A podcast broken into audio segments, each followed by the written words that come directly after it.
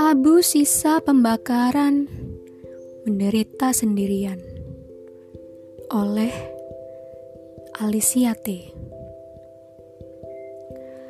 Kuceritakan satu rahasia tentang sore. Kala itu, langit mengunjingkan ketiadaan. Bunga-bunga merebah kelopaknya di tanah.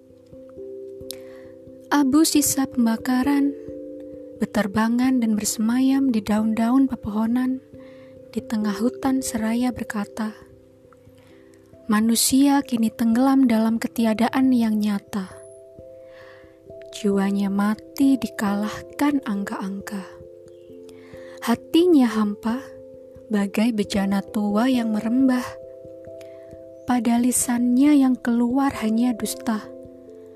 Pada akalnya yang dicerna hanya celaka petaka, malah petaka untuk kita, malah petaka untuk kita.